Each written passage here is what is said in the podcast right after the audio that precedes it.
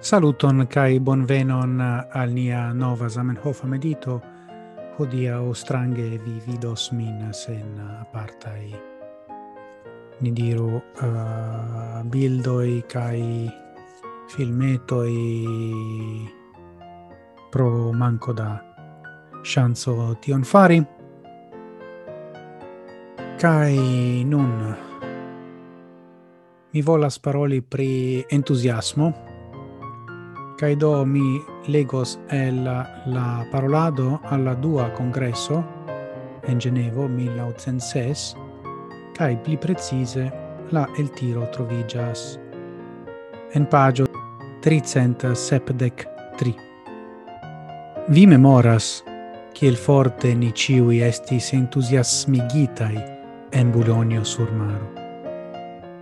Ciui personoi qui partoprenis en la tiea congresso, conservis prigi la plei agrablan cae plei entusiasman memorum por la tuta vivo. Ciui gi nomas la ne forgesebla congresso.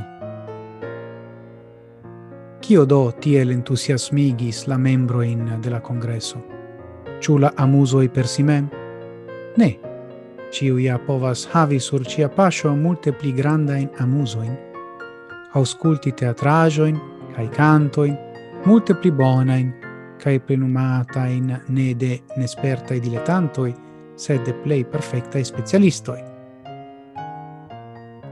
Ciu nin entusiasmigis la granda talento de la parolantoi? Ne. Ni tiain ne havis in Bologna. Ciu la facto che ni comprenis nin reciproce? sed en ciu congresso de sam nazianoi ni ja comprenas nin ne mal pli bone, cae tamen nenio nin entusiasmigas.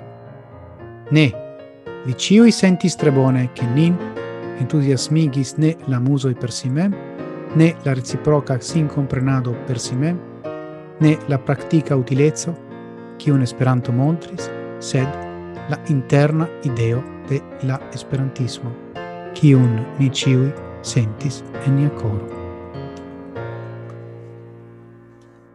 Do, shainas al mi che oni ne devas forgesi la fortan impacton de la uso de Esperanto, kiam oni comenzas lerni gin, kai unua foie havas personan realan sperton usi Esperanton,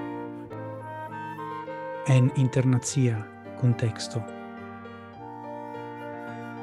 Char mi estas tre bonŝanca.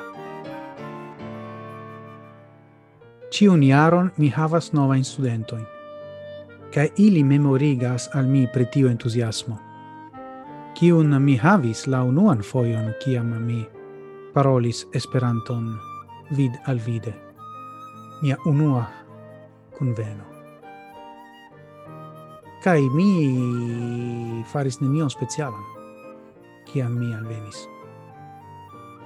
Sed la impresso tiel fortis sur mia coro che mi estis captita por ciam. Kai mi instigas nin iam tiam re memoria al ni pri tiu granda entuziasmo, un nur l'asperto de Esperanto donas. Dankon pro via atento, gis morgau per pli interessa video, kai kiel ciam antauen sen fine.